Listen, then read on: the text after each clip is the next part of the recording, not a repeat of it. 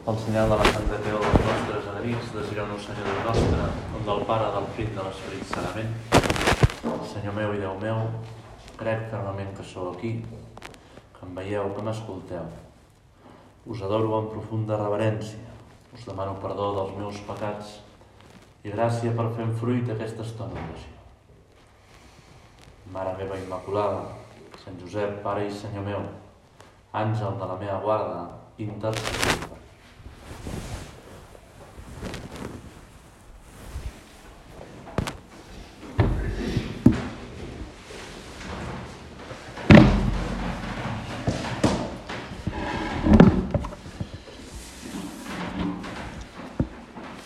Un dels soldats amb la llança li va traspassar el costat i al punt va sortir sang i aigua. Així ho escriu Sant Joan, que estava allà davant. Després d'expirar Jesús, caure el cap cap a un costat, al cap d'uns instants, un soldat la el traspassa amb una llança. Sant Joan contempla com d'aquesta ferida oberta surt sang i aigua. En la reflexió sobre aquestes paraules hi va haver un moment de l'antiguitat dels primers cristians es va sentir com un gran llum, una gran il·luminació, un gran fulgor. Així ho escriu Sant Joan Crisòstom, un dels principals pares de l'Església Orientals. No passis endavant massa de pressa, o oh estimat, sobre aquest misteri, perquè vull exposar-te una interpretació mística. Aquesta sang i aquesta aigua són símbols del baptisme i de l'Eucaristia, on s'engendra l'Església, perquè del costat de Crist es va formar l'Església, com del costat d'Adam es va formar Eva, i de la mateixa manera que aleshores va treure el costat, del costat d'Adam durant el son, mentre Adam dormia, així ara, després de la seva mort, va lliurar sang i aigua. La mort és ara el mateix que llavors va ser la son. Veieu com Crist va unir amb si a l'esposa?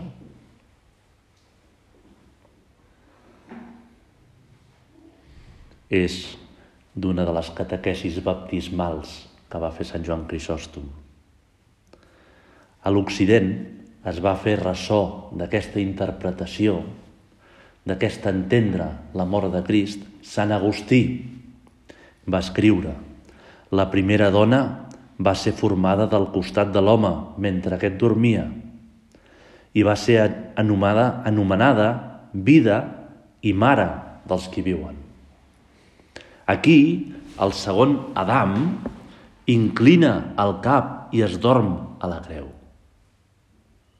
Perquè així, amb l'aigua i la sang que van brollar del seu costat, quedés formada la seva dona, la seva esposa. Aquests dos pares de l'Església, aquests primers autors de l'Església, sants, ens poden fer comprendre amb més profunditat el que escriu Sant Pau en la seva carta als cristians d'Efes.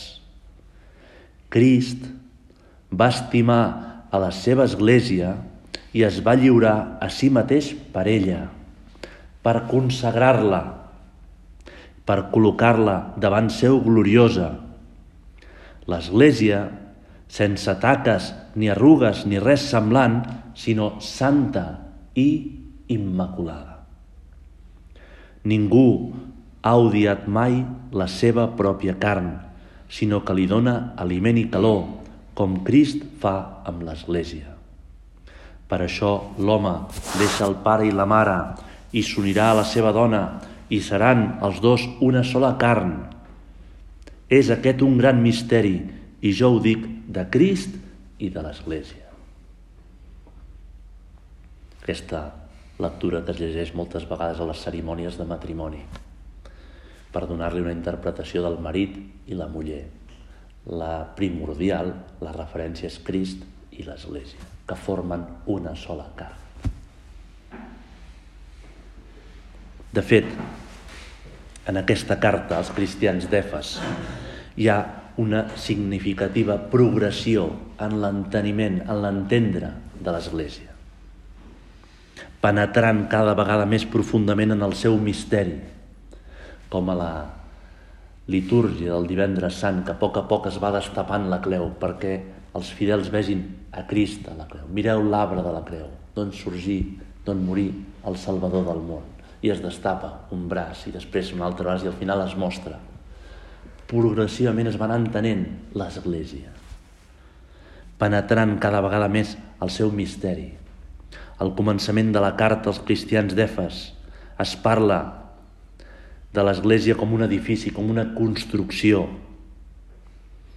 que té el mateix Jesús com a pedra angular. La relació entre Crist i l'Església és la relació entre un fonament i l'edifici que té al damunt. Més endavant, a la mateixa carta, l'Església és presentada com a cos de Crist. Déu ha constituït a uns apòstols, altres profetes, per l'edificació del cos de Crist. I aquesta interpretació moltes vegades la veiem a la Santa Missa, quan el celebrant, el mossèn, impersona a Crist capitis, a Crist capi, els membres, tots els fidels s'uneixen a Crist com a membres de Crist. Cos, l'Església com a cos. Però l'apòstol no es queda aquí. No es queda satisfet amb aquesta imatge de l'Església com un edifici o com un cos. Ens ofereix la última, la definitiva, la de la dona. Quan Adam va veure Eva, va exclamar aquesta sí que és os dels meus ossos i carn de la meva carn. I això és el que ens diu Jesús de l'Església. On és la diferència? Un edifici no és un company, un interlocutor amb el que es pot dialogar. Tampoc el propi cos és una persona que està davant meu amb la seva llibertat, a la qual puc estimar i em puc deixar estimar per ella. Una dona sí que és tot això. També el nou Adam buscava algú com ell que l'ajudés i el va trobar. Nosaltres, en aquesta estona d'oració, ens aturem contemplant més profundament el misteri de l'Església, de la qual el prelat ens ha parlat en la seva última carta, el seu últim missatge, fa vuit dies. I ens diu, l'Església és Crist present en el món. Hem d'estimar a l'Església com Crist ha estimat la seva esposa, com Crist ha donat la vida per ella. Malgrat a vegades ens sentim colpejats per coses que passen a l'Església, pels pecats dels que formem part de l'Església,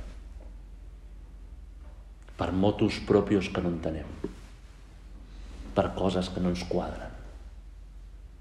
Estimar l'Església perquè és santa, Qui no estima l'Església no estima Crist. No pot tenir a Déu per pare qui no té per mare l'Església, escriu Sant Sabrià. I tenir per mare l'Església no vol dir només estar batejats un dia a l'Església, que ens ha engendrat en l'Església, que ens ha fet membres vius de l'Església. L'Església és els, les seves pedres vives, els que formem part de l'Església, els convocats sinó apreciar-la, respectar-la, estimar-la com a mare, sentir-se solidaris amb ella en el bé i en el mal, resar per l'Església, defensar a l'Església. Ahir, i abans d'ahir, ha estat publicada un document sobre els abusos sexuals de l'Església a Espanya i ha creat un gran enrenou en els mitjans de comunicació. Segons aquest estudi, un 1% de la població de tota Espanya ha patit abusos per l'Església. I estan tots fent fila tirant pedres contra l'Església. I han sortit declaracions de l'Omella i d'altres, no? demanant perdó pels abusos de l'Església i dient que, que és una exageració aquests números que han tret. És molt fàcil tirar brutícia contra l'Església. És molt fàcil criticar l'Església pels pecats i per les deficiències dels membres vius de l'Església. Perquè és una realitat misteriosa.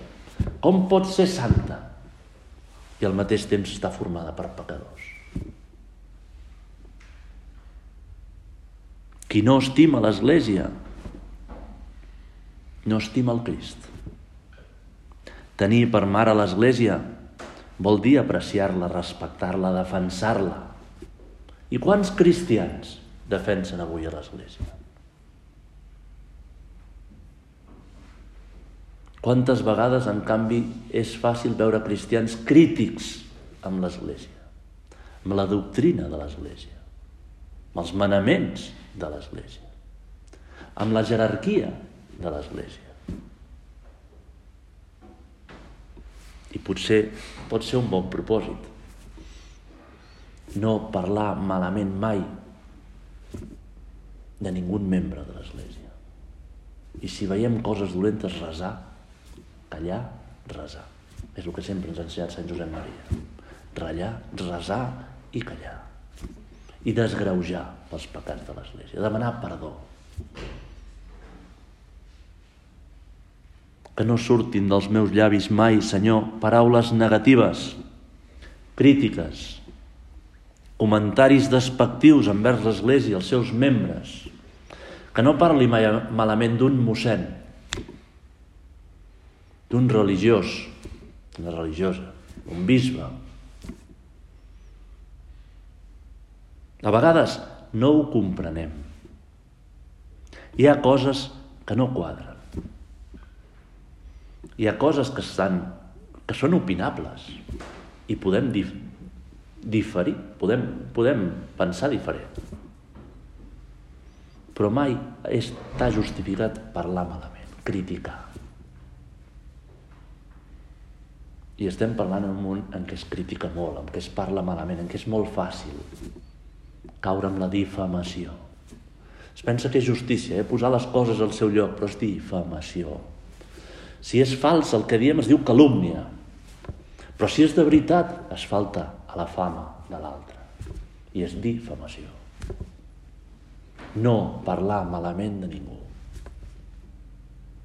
Fixeu-vos, el moment essencial de la Santa Missa, es diu la plegària eucarística, comença un prefaci, hi han molts prefacis diferents, però després comença la part que es diu plegària eucarística i i té quatre, quatre opcions, quatre diferents models. Des del segle IV fins al 1970-69 s'ha utilitzat una plegària eucarística que es diu el cànon romà. Si ara me'n vaig amb una finestra del temps a un cristià Sant Agustí, al segle VI-VII, estic vivint la mateixa missa que ell vivia. Durant 1.500 anys hem resat aquesta plana Eucaristia i comença així. Us preguem, doncs, Pare Clementíssim, per nostre Senyor Jesucrist, el vostre Fill, que accepteu i veniu aquests dons, aquests presents, aquestes ofrenes santes, i fa la senyal de la creu sobre el pa i el vi que es convertiran en el cos de, de Crist.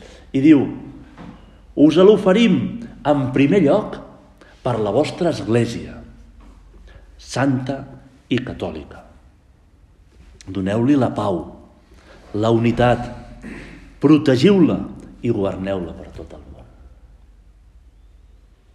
La primera intenció de la, de la oració més important del món, de la missa, és l'Església. Protegiu-la, defenseu-la, uniu-la, doneu-li pau.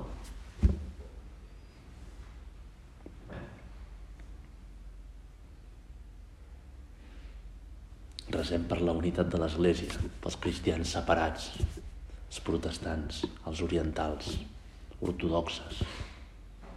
Resem per la unitat. Resem per, per la pau. Resem perquè reconeguem a l'Església com santa, perquè té l'ànima, l'Esperit Sant, és la que vivifica l'Església, perquè el seu cap és sant, que és Jesucrist, i perquè està format per una multitud de sants. Perquè nosaltres, que som dèbils, pecadors, no taquem a l'Església, perquè no donem mal exemple, estem resant per nosaltres, perquè no siguem hipòcrites, perquè ens traiem les màscares que poden deformar a l'Església, la puresa de l'Església. Si algú mira les vidrieres d'una antiga catedral des del carrer, que és el que fa la gent mirant l'església avui en dia, no veurà més que trossos de vidre foscos units per tires de plom negre. Però si atravessa el llindar de l'església i les mira des de dins, a contrallum, la llum de l'Esperit Sant, que el bateig, Llavors veurà un espectacle de colors i de figures que el deixen sense respiració. El mateix passa amb l'Església.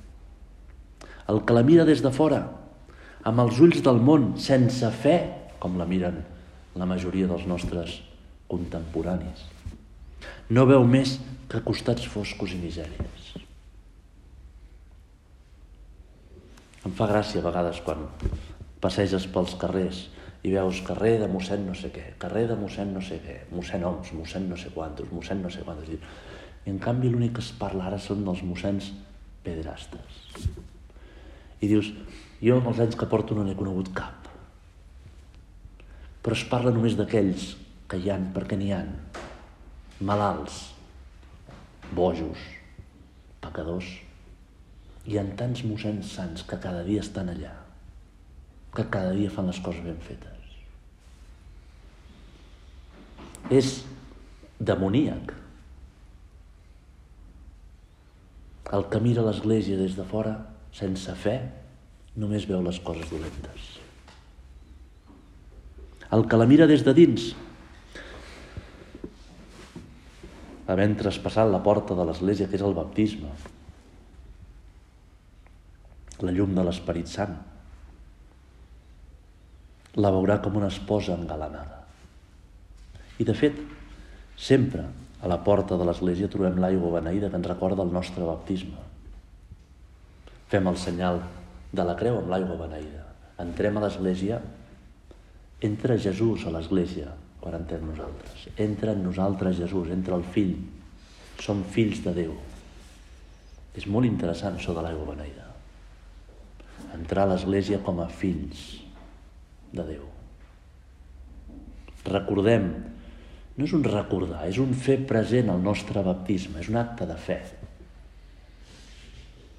En el baptisme ha mort l'home vell, ha renascut Crist, ha ressuscitat Crist en nosaltres. És molt seriós el baptisme.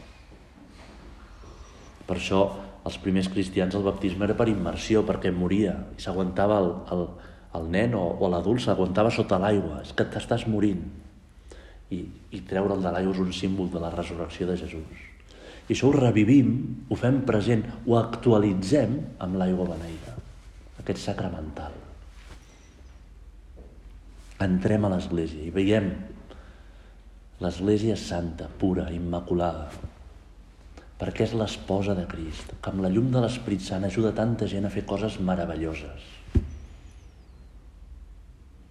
hem de parar-nos un moment, veure com podem defensar les nostres idees, sense ser dogmàtics, sense ser eh, irracionals. Com puc lluitar, Jesús, per no criticar mai l'Església, els membres de l'Església, per no sembrar el, el jull, la cizanya, ni cap institució de l'Església. Hem d'aprendre a posar la capa de la caritat davant les coses que no entenem. Jo, haig d'aprendre a posar la caritat. Jo haig de lluitar per no criticar. Perquè no surti ninguna paraula dolenta de la meva boca. I un pot dir, però com? I les incoherències de l'Església, i els escàndols, fins i tot per part d'alguns papes,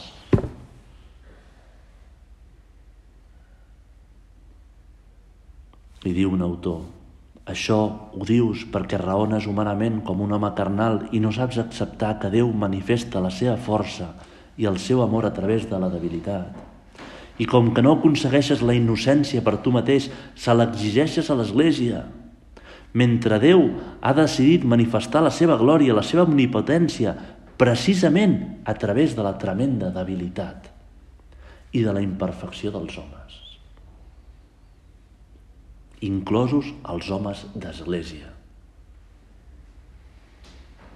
I amb ella ha modelat la seva esposa, que és meravellosa. El fill de Déu va venir a aquest món, comenta un autor espiritual, i com a bon fuster que havia arribat a ser de l'escola de Josep, va recollir els trossets de fusta en pitjor estat i més nudosos que va trobar i amb ells va construir una barca que resisteix a la mar des de fa dos mil anys. No és Jesús la meva força la que fa santa l'Església, ets tu el que la fa santa. I jo haig de mirar de no atacar-la.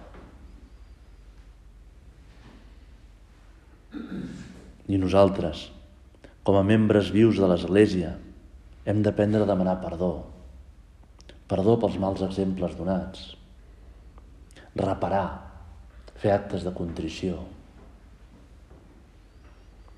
oferir les nostres obres per reparar el mal que han fet altres. Aquesta és la resposta cristiana. Quan veiem una cosa mal feta, doncs què puc fer jo per reparar-la? Perquè és la meva església. I l'Opus Dei és una part petita de l'església. Nosaltres no som els que ho hem d'entendre tot. Dius, a vegades veus realitats de l'Església que no entens. Dius, no és que no l'has d'entendre. Perquè Déu és molt més ric que el, que, el que hi cap en el teu cap. Només faltaria que tot ho tinguéssim que entendre.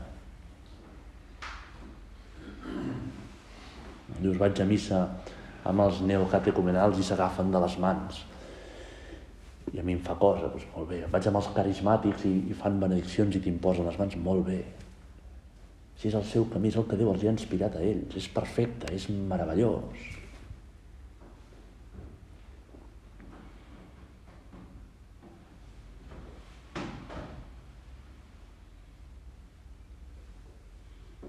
Hi ha molt a rectificar.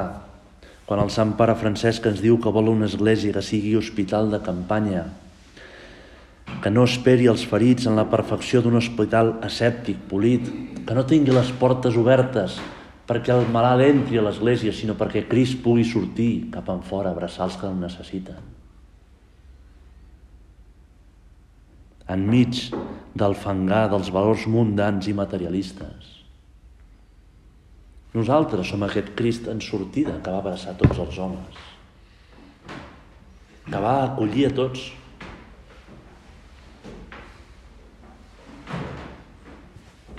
els pecats de l'Església, diu un autor espiritual. Creus que Jesús no els coneixia millor que tu? Per ventura no sabia ell per qui moria?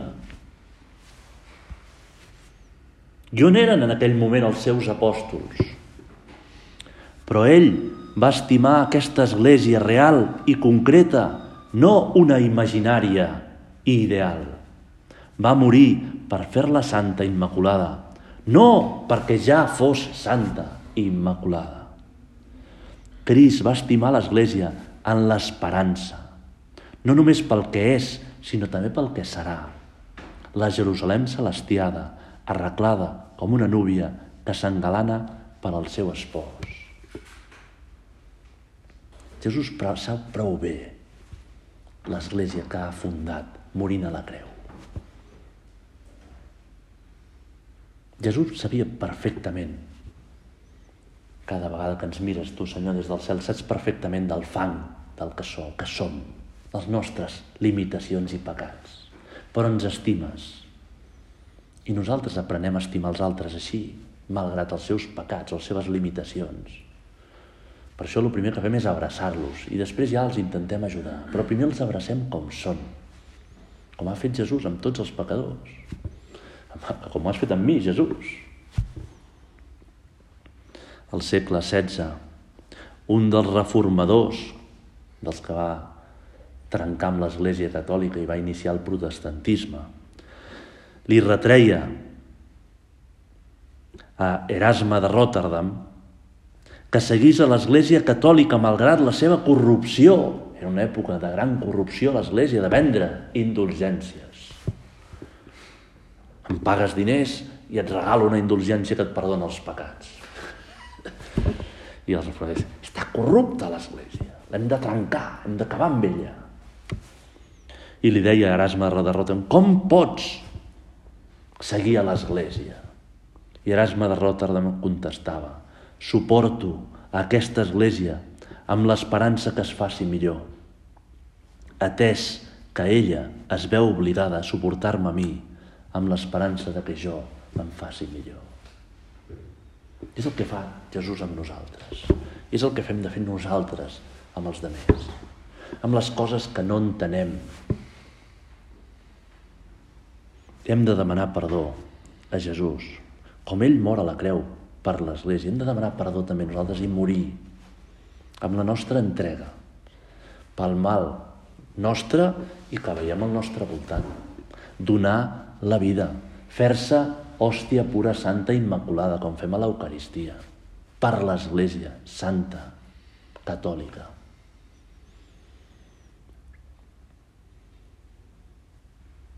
mirant a Nostre Senyor penjat a la creu, mirant al seu costat traspassat d'on surten sang i aigua, podem fer una mica d'examen i pensar si la crítica, el mal exemple, fareixen a l'Església. Si som realment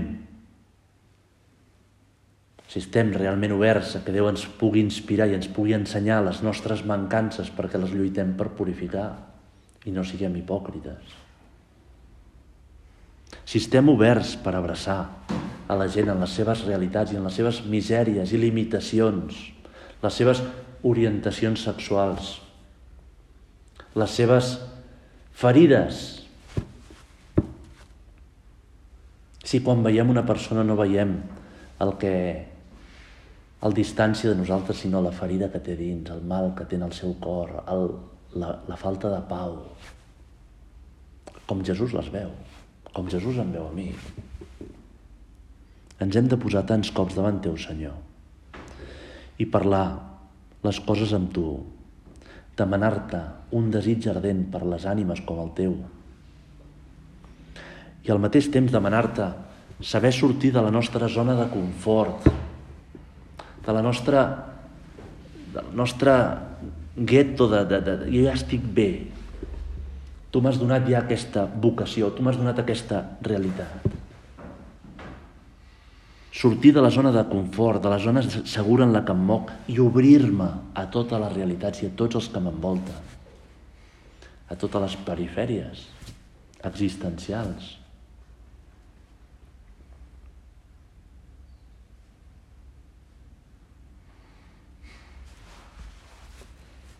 Crist va estimar la seva església i es va lliurar a si mateix per ella, per consagrar-la i per col·locar-la davant seu gloriosa, l'església sense taques ni arrugues, sinó santa immaculada. Una de les últimes imatges que va col·locar Sant Joan Pau II a l'església, al Vaticà, a la plaça de Sant Pere, va ser la Mare de Déu, Mare de l'Església li havia dit algú, aquí ens falta una imatge. En aquesta plaça falta una imatge de la Mare de Déu. I li van posar aquesta advocació, Mare de l'Església.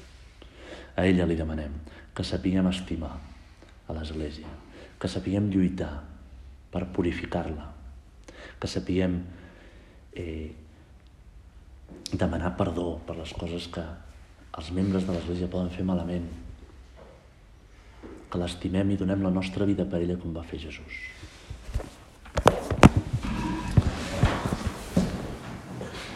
Us dono gràcies, Déu meu, pels bons propòsits, efectes, inspiracions que m'heu comunicat en aquesta meditació. Us demano ajuda per posar-los per obra. Mare meva Immaculada, Sant Josep, Pare i Senyor meu, àngel de la meva guarda, intercediu per.